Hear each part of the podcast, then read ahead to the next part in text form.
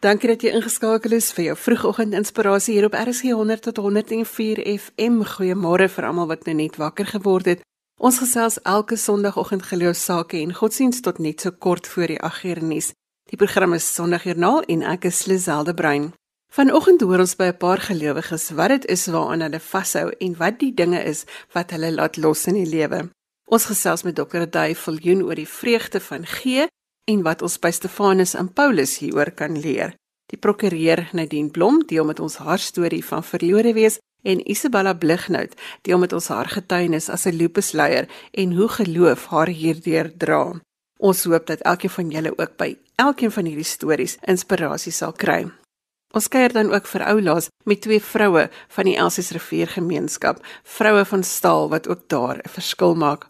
Daar is 'n kort opsomming van ons program op ons Facebookblad. Jy moet gaan soek vir Sondagjoernaal met 'n koppelteken en dan is dit ook op die webblad by rsg.co.za en daar moet jy gaan soek vir Sondagjoernaal onder programme en alles is daar by vanoggend se program vir jou gelaai. Gesels gerus saam as jy van jou wil laat hoor by 45770 en jy weet dat dit jou R1.50 per SMS gaan kos. Ons is ook op DStv se audiokanaal 813.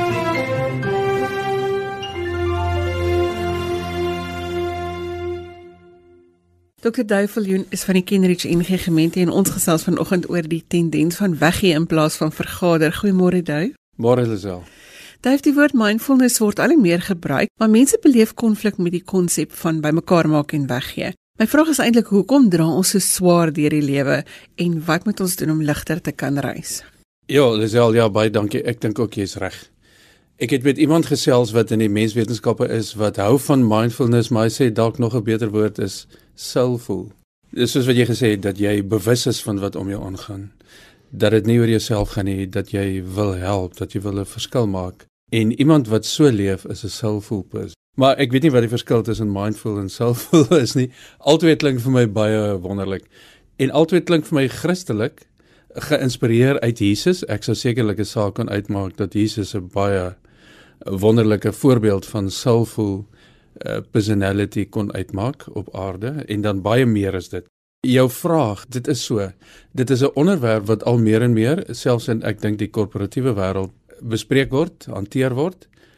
Maar ek dink daar is voorbeelde in ons lewe. Ek het so 3 weke terug en jy het seker ook die wonderlike voorbeeld gesien van die dame wat tussen Windhoek en Okahania gereis het, Tolonga, Nepula. En hulle het op 'n ongeluk afgekom. En by die ongeluk het sy onmiddellik waargeneem daar lê 'n babatjie in die middel van die pad en daar was nou net 'n ongeluk. En sy het vir haar voertuig gesê asseblief hou stil, ek wil uitspring. En haar bedagsaamheid was van so 'n aard. Sy het vir haar drywer gesê moenie beklei met daai drywer nie, hy het uit die pad uitgetrek. En hulle het vir gesê moenie soontoe gaan nie en sy het net gegaan, die babatjie gaan optel. Hy was die enigste oorlewende in die ongeluk. Hy het saam met sy oupa gereis. Vier mense is oorlede. Sy het met die babatjie en die doeksak teruggeloop gekom.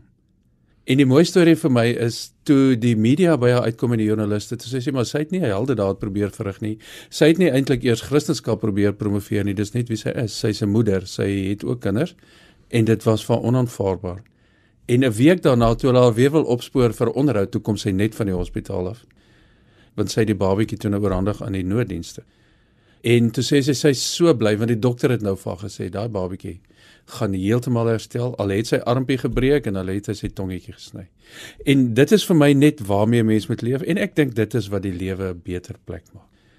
As ons nou kyk na Paulus en Stefanus, is die gees storie wat ons by hulle leer ook iewers in die Bybel ondervang. ja.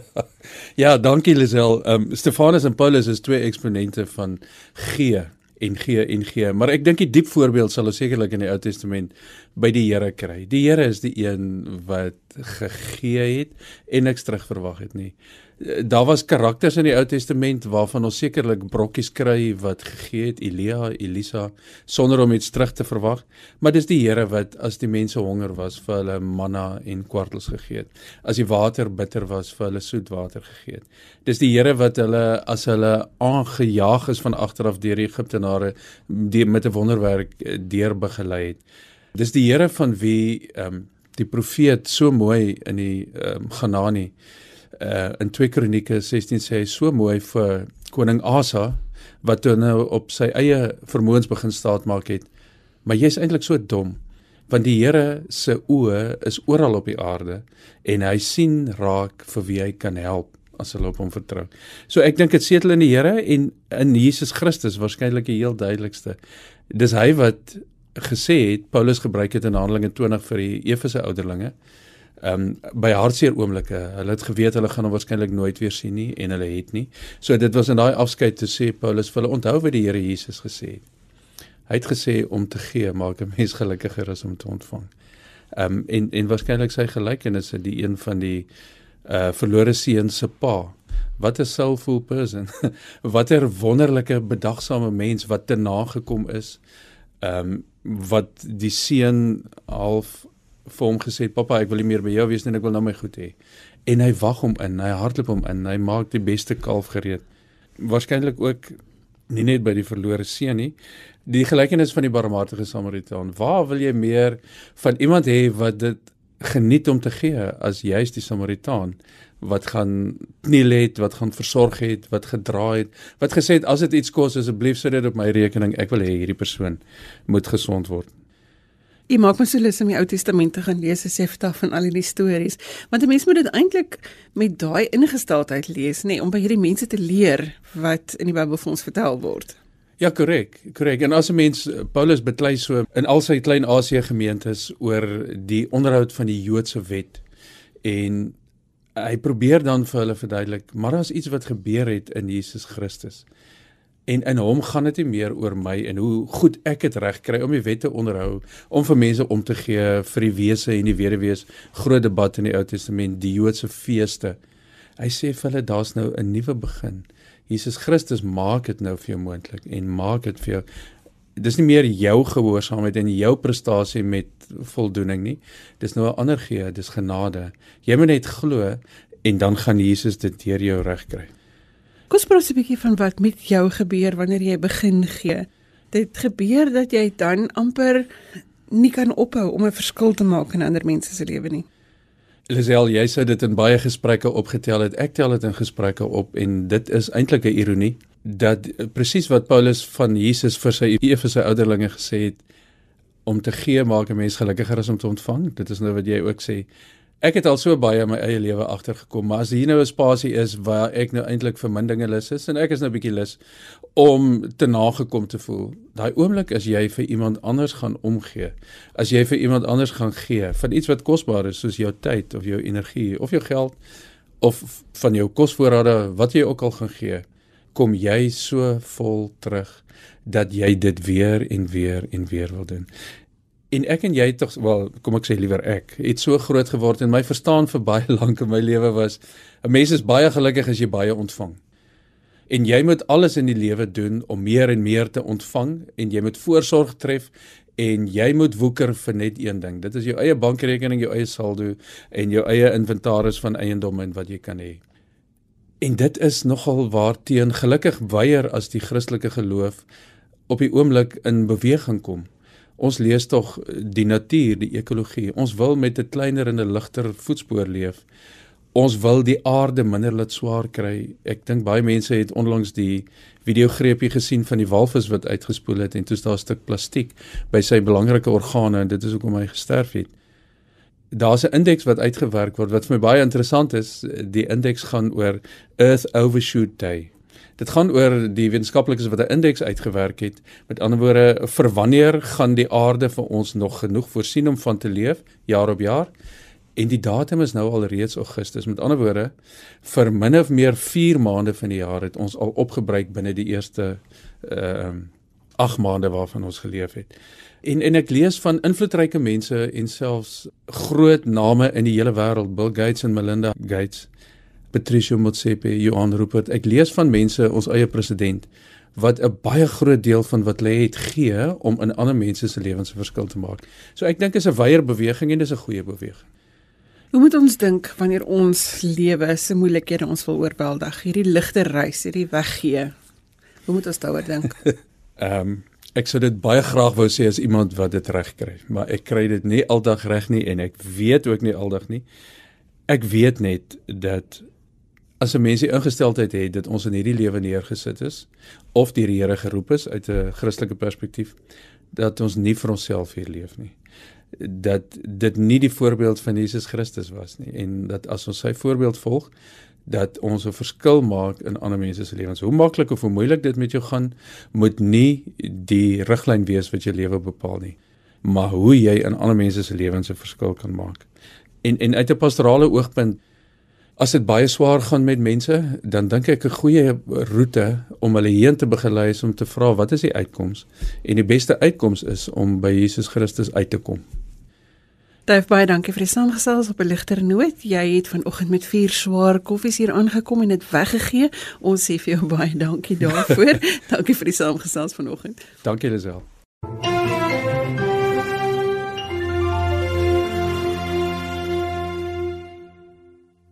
Goeiemôre as jy nou net jou radio aangesit het. Jy luister na Sondagjoernaal waar ons geloof en godsdiens gesels op RSG 100 tot 104 FM. Ek hoop jy's nou al goed wakker want ons musiek gaan jou vanoggend hopelik inspireer om die dubai af te gooi en die dag met 'n lied in jou hart aan te pak. Ek het onlangs saam met 'n groep vroue van Elsies rivier gekuier by 'n werkswinkel en elkeen van hulle het 'n lewensverhaal van vashou en los. Hulle is deel van die Maths Mom groep wat Sonja Silje op die been gebring het en hulle maak saam 'n groot verskil in hulle gemeenskap. Kom ons hoor watter rol geloof in hulle lewe speel. Ek is Sten Willie Samuels. Ek is aan Elsies rivier. En ek het by my ma, menas vyf susters en naggies en neefs groot geword. Men my oupa wat hy was hy al die tyd daar gewees. Hy was in die tronk. But okay, dis of that. My pa het verloor toe ek 5 jaar oud word. Ek was nog op pad om 5 te word. En dit was baie tragies vir my omdat ek gesien het toe hy sterf het omdat dit voor my gebeur het. En ja, ek het groot geword met my ma en my ouma. 2013 toe sterf my ouma ook af. En daai was my net so hard heartbroken because sy was my pillar of strength. Sy was die een sy was eintlik die, die rede hoekom ek nog lewe.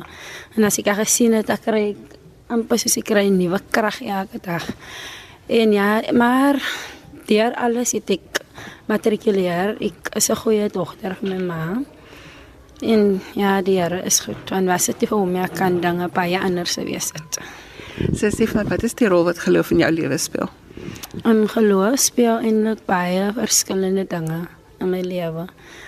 Um eerstens is geloof, jy kan nie lewe sonder geloof nie. Van as jy lewe sonder geloof, daar is dan nie niks om uit te sien voor nie. En geloof is ook hoe jy met ander mense, hoe jy met jou medemense aangaan hoe jy vir hulle hanteer. En daar's 'n vers wat sê you must walk by faith and not by sight. So um ek loop elke dag met geloof rond. Al gaan wat daar skiet hulle hoe ek loop met geloof niks sal met tref nie. En God is met my. So dankie. En oggend is baie baie verskillende goed het deur my kop gegaan.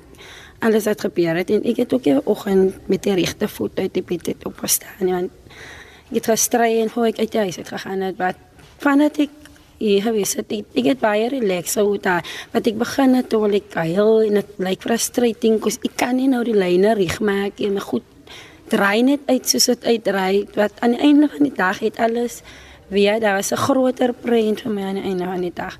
So dit het my baie gehelp en my baie relax gemaak. Cool. En gaan jy asemhaal? Ja En my boodskap is daar is niks so lekker. God is elke dag daar vir ons. Hy is een wat ons elke dag wakker maak en die rede hoekom ons 'n dag nog in die lewe is is omdat God sit vir jou in die lewe vir 'n doel en as jy daar kan soveel ander dinge gebeur het wat jy nog nie dood nie. So daar het wil sê daar's 'n boodskap, daar's iets wat jy moet doen wat God vir jou wil gebruik in die lewe. So hang aan vertrou op. My name is Benedict. I live in Peru. My situation currently, like, I'm taking a gap year. Yeah, I started studying already at uni- university, but it wasn't something that I wanted to do. So I decided, no, it's better that I study something that I love doing. Because at the end of the day, I must lo- love doing the job that I'm going to do. Yes, so, and about me, my father passed away when I, I was in grade 11, I think in 2016, yeah. And I had to overcome that. And I felt like I could not go on with life. But it turned out like, since we are, very religious um, people, there were many people that came and gave advice, and some say that, like, God will never, never give you a challenge that you can never overcome. He will always give you challenges that He knows you will overcome, so you can overcome this. And time as well. Time heals all wounds. Just give it a little bit of time. Your father already went to God, but you need to live your life now. Like, I'm, I'm, a, I'm a really strong believer in God. Religion, like, it gives me strength. It gives me strength, gives me hope, gives me protection because I feel like when I pray to God, God listens to me. And when I pray to Him and I ask Him for something, but I also have to put the effort in. I can't just um, sit there and do nothing, but I have to put the effort in praying, the effort in asking, and I believe that God will answer. Um, to never give up and to always look upon God because God is always there. He's never wrong, He's always right. God is perfect. If, if you think like God is being unfair, life is not unfair, life is fair. It's really fair because we have a fair God, we have a trustworthy God, a, a God that doesn't make mistakes. So I'll tell them just to hold on to God, to hold on to their religion. Jong vroue wat te midde van groot uitdagings elke dag die lewe aanpak en 'n verskil maak. Jy's ingeskakel op Sondagjoernaal elke Sondagoggend hierdie tyd en ons gesels met mense oor hulle belewenis van godsdiens en geloof.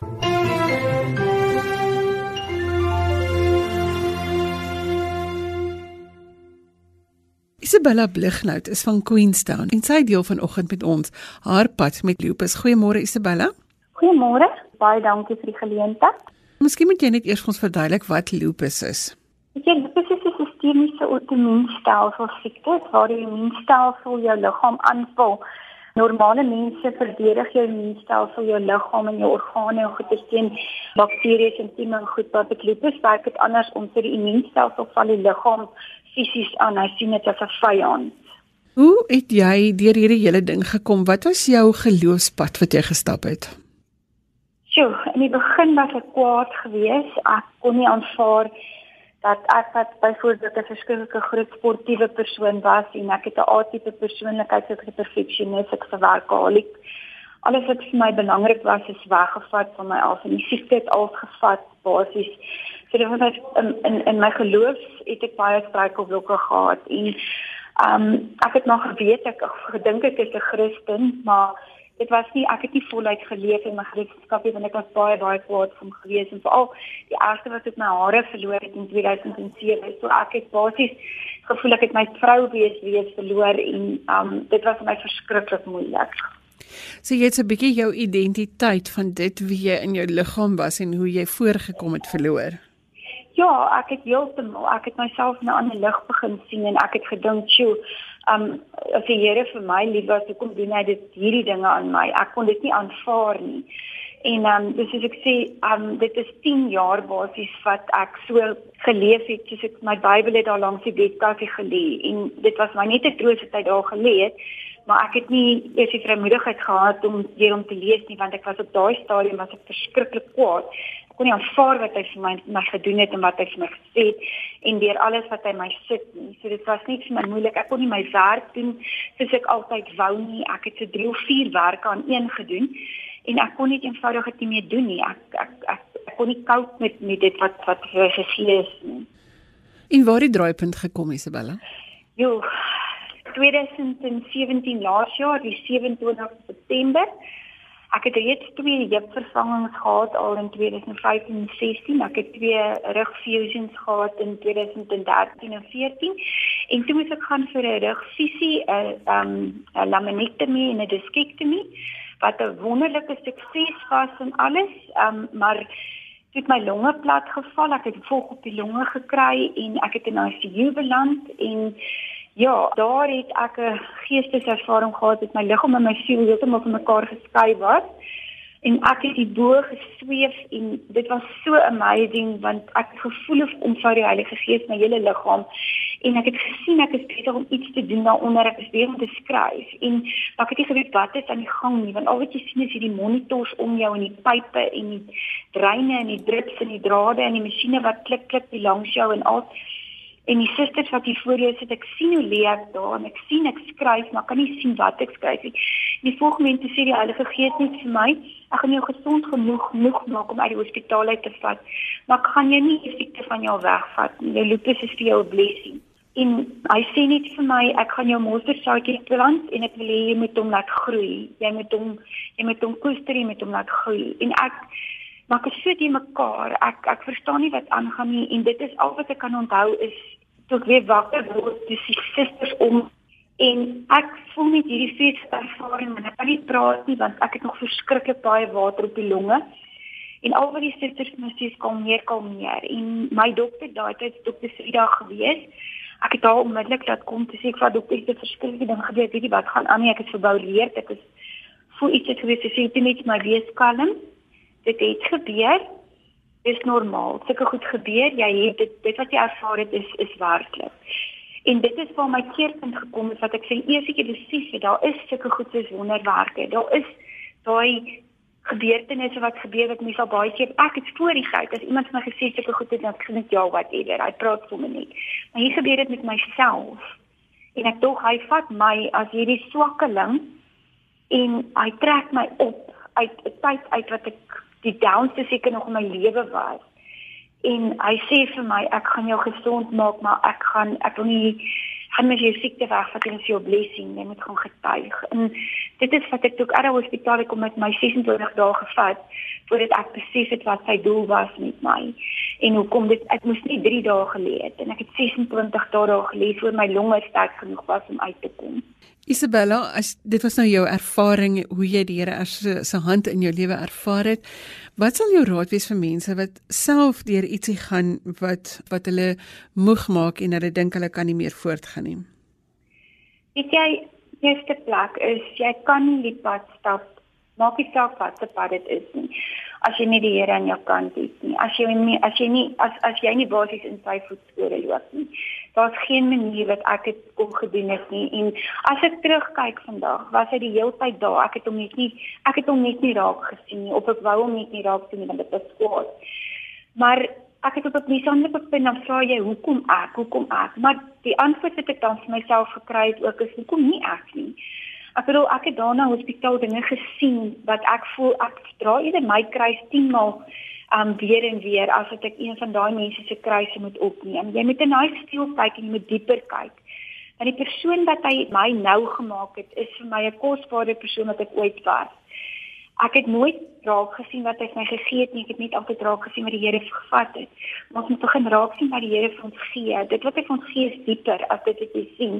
So ek het leer om deur daai stielbeeld te kyk, om dwarsteer te kyk tot in iemand se siel in en dan die seer raak te sien en dit is wat ek nou geleer het ook om om mense te ondersteun om gemeenskapsdienste te doen mense groepe te stig ondersteuningsgroepe. So as daar iemand 'n vraag het want dit gaan nie net hier oor my lupus nie dit gaan oor al hierdie onsigbare siektes depressie lupus multiple sclerosis fibromyalgia um kanker enigiets osteoporose. Elke ou het tog 'n letsel wat jy saam met jou dra.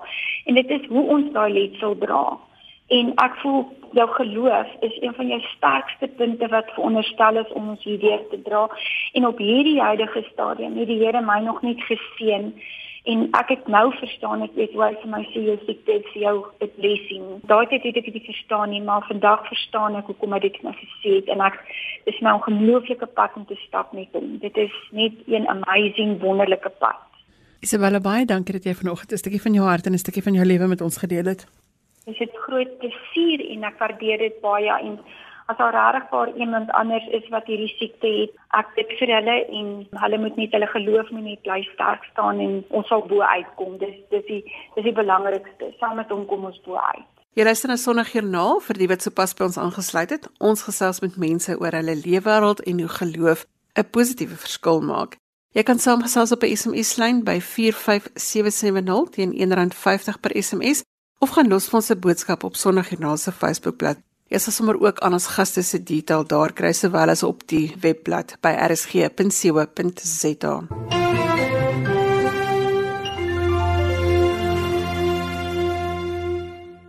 Elke gelowige het ankers nodig. Dis nou daardie ding wat jou laat vashou wanneer jy nie meer 'n greep het nie. Dis ook die ding wat jou laat vashou wanneer jy nie meer eintlik lus is nie. Nadine Blom is vanoggend saam met ons in die ateljee om te gesels oor haar geloofspad en wat haar ankers is. Goeiemôre Nadine. Goeiemôre Lisel. Ons vertel stories van hoop en inspirasie. Hoe lyk Nadine Blom as dit by geloof, hoop en inspirasie kom? Ja, ek dink die eerste deurlopende tema vir my is is 'n boodskap van hoop. Dit is ook interessant dat my naam beteken hoop. En ehm um, ek het dit in my lewe konstant oor en oor beleef deur die Here hoe hy 'n mens deur stormtye soms stuur hy die storms.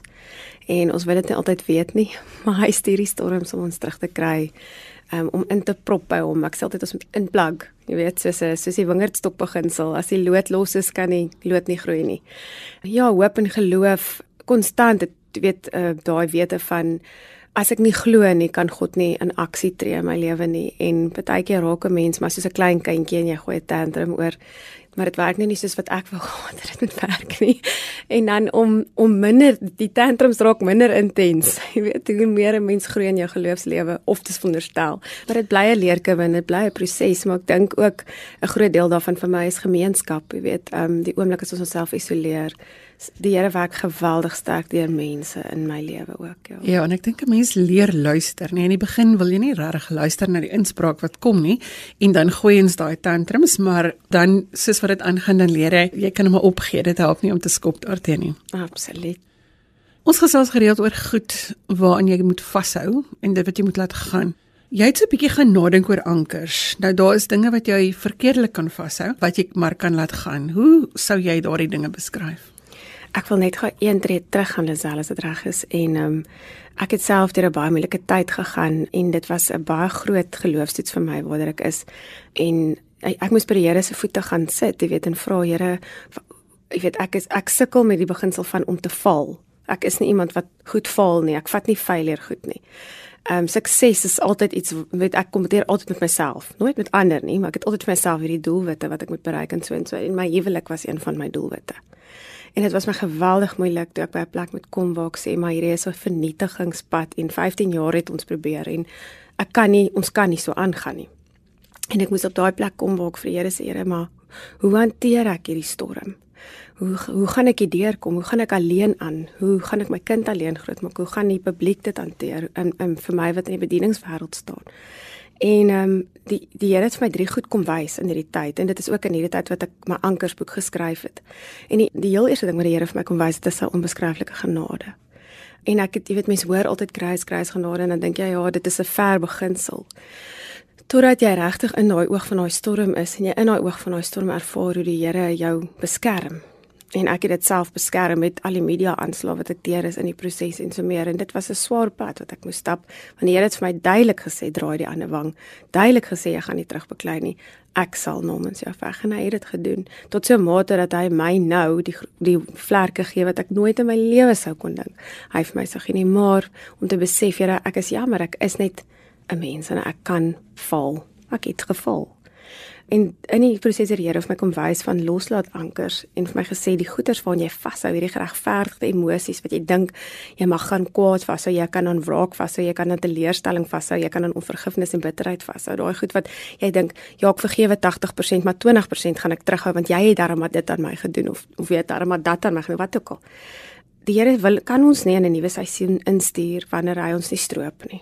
En ek dink dit is 'n baie eenvoudige beginsel alhoewel dit maklik klink, maar so seer is. Wanneer hy vat ons, hy lok ons, ons staan in Nusia. Hy lok jou in die woestyn in om met jou te werk. En hy het my in die woestyn ingelok. En daar het hy my gestroop. En dis wanneer jy gestroop is van alles en almal. Jy weet ek het ook in die ehm um, in een van die artikels wat ek geskryf het in die tydskrif het ek gesê dit was soos 'n begrafplaas, my huis was soos 'n begrafplaas. Dit het gevoel asof ek fisies dood is. En ehm um, geestelik dood was, jy weet. En omdat jy vashou aan mense wat vir jou deure moet oopmaak en jy dink jou jou ehm um, maatjie in jou huwelik moet jou gate kom volmaak en jou stikkende plek op kom heel maak, dit werk nie so nie. Net ek wat God is, kan daai seer kom heel maak. Die seer uit jou kindertyd, die seer uit jou pa verhouding, wat dit ook al is, jy kan nie van jou maat verwag om daai te kom. So daai pynankers wat ons vashou, is die Here wil daai goed lig sodat hy vir ons kan die regte ankers gee om aan vas te hou. Dit is my belangrik wat jy sê want dit beteken jy het die probleem in die oë gekyk. Jy het probeer wegskerm daarvan maar toe kyk jy dit in die oë. En die oomblik as jy dit in die oë kyk, dan kom die verandering. Absoluut. Ehm um, dis mos die maklikste ding op aarde om ander mense te blameer vir die goed wat in ons lewe met ons verkeerd gaan en dis menslik om te sê maar jy maar jy dit is waar. Ons almal het 'n aandeel tot huwelik wat nie werk nie of 'n verhouding of 'n vriendskap wat nie werk nie watter vlak dit nou al is, maar waar lê jou tekortkoming en wat is jou verwagting? Want verwagtinge kweek teleurstellings. En ek dink ons het hierdie hoë verwagtinge van mense in ons lewens terwyl ons eintlik van God die verwagting moet hê. En daai was 'n baie duur les wat ek moes leer in my gehoorsaamheid moes aan God wees. En die oomblik toe ek weer by daai plek kom waar ek besef maar geen mens. En die Here sê dit in sy woord hy sê cursed is he who trusts in man but blessed is he who trusts in me. So die Here verwag van ons. Hy sê ek sal jy sal vervloek wees as jy op 'n mens vertrou maar jy sal geseënd wees en jy sal 'n groen boom by groen waters of by lewende water wees as jy in my glo. Maar dit dit klink nou baie maklik maar in praktyk hoe doen ons dit? Jy weet en die enigste manier is verhouding. Die enigste manier is om na God toe terug te gaan op 'n daaglikse basis en te sê, Here, ek kan hierdie nie op my eie doen nie. Ek gaan dit vir jou opvoeder. Die belangrikste ding is ook dalk om te sê vir dit gebeur nie oornag nie. Dit is 'n stryd waardeur jy gaan voordat jy by daai besluit kom van goed, ek gaan dit nou in die oë kyk en dit gaan nou verby wees. Ja, hierdie is vir my eerste keer en ek's nou 42 in my lewe wat ek regtig daai aha oomblik het van ek dink ek begin dit nou verstaan. Jy weet, dit het my jare gevat. Ek my hart op 7 jaar ouderdom vir Here gegee. Wat my jare vat om daai te verstaan. Gehoorsaamheid is ook iets wat ek moes leer in die proses. Ehm um, ek moes leer dat as die Here vir my sê nou staan jy stil, dan staan jy stil.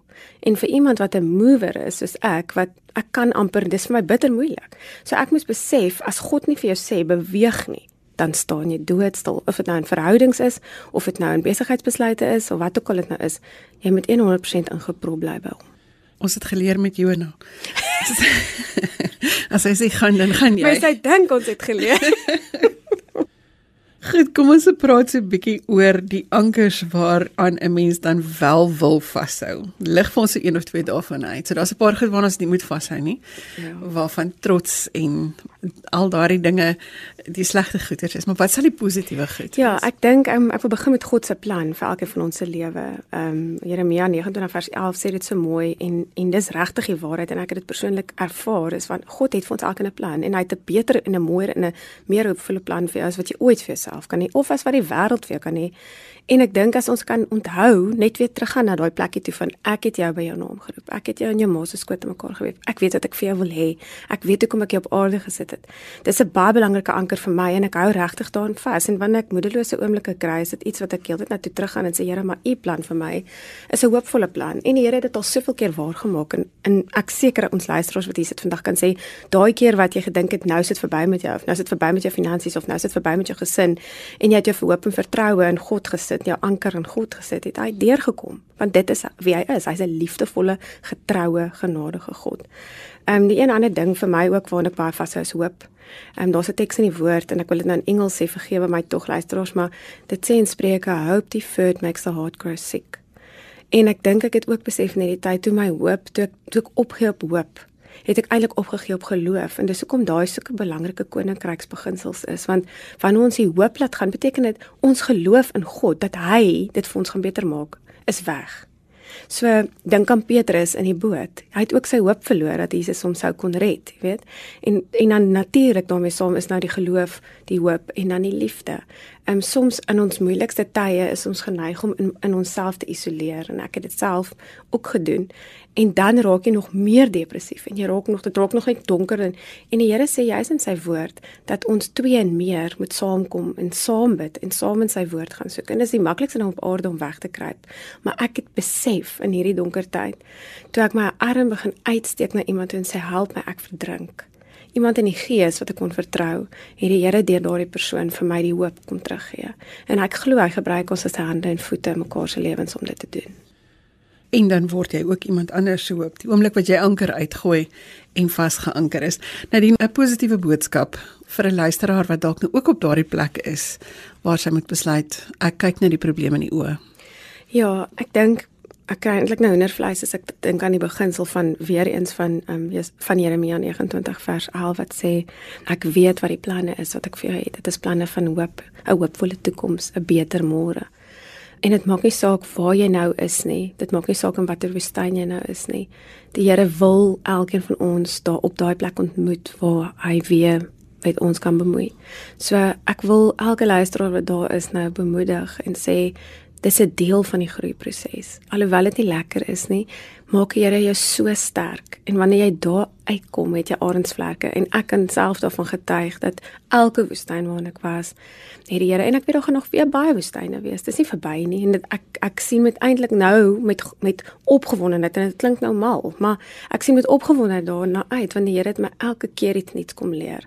En dis so sis Joyce maar ook altyd sê sy sê altyd new level new devil, maar dis die oomblik wanneer die Here jou in 'n volgende groot roeping wil invat, dan lok hy jou eers in die woestyn in sodat hy jou kan toerus. Nou ja, daarmee is ons aan die einde van vanoggend se program. Dankie aan al my gaste, Dr. Duiveljoen, Denver Lee Samuels en Benedict Canyo, Isabella Blighnout en Nadine Blom. Onthou jy kan ons ook op 'n potgooi kry by RSG se webwerf by rsg.co.za. Volgende Sondag is ons weer hier op dieselfde tyd met nuwe stories uit die wêreld van geloof en godsdiens. Stuur gerus vir my 'n e-pos as jy jou positiewe of inspirerende storie met ons wil deel. My e-posadres is lizel@wwmedia.co.za. Ek spel dit net vir almal se onthaalwe wat sê die e-posse kom nie by my uit nie. L I Z E L L E by wwmedia.co.za. Ja, ons het vroeër gehoor hoe klink Psalm 130 se eerste twee verse en ons sluit vandag se program af met Psalm 30 van Louis Brits. Geniet die wintersonskyn en kuier weer saam met ons volgende Sondag. Gaan maak 'n verskil in iemand se lewe. Tot dan, totsiens.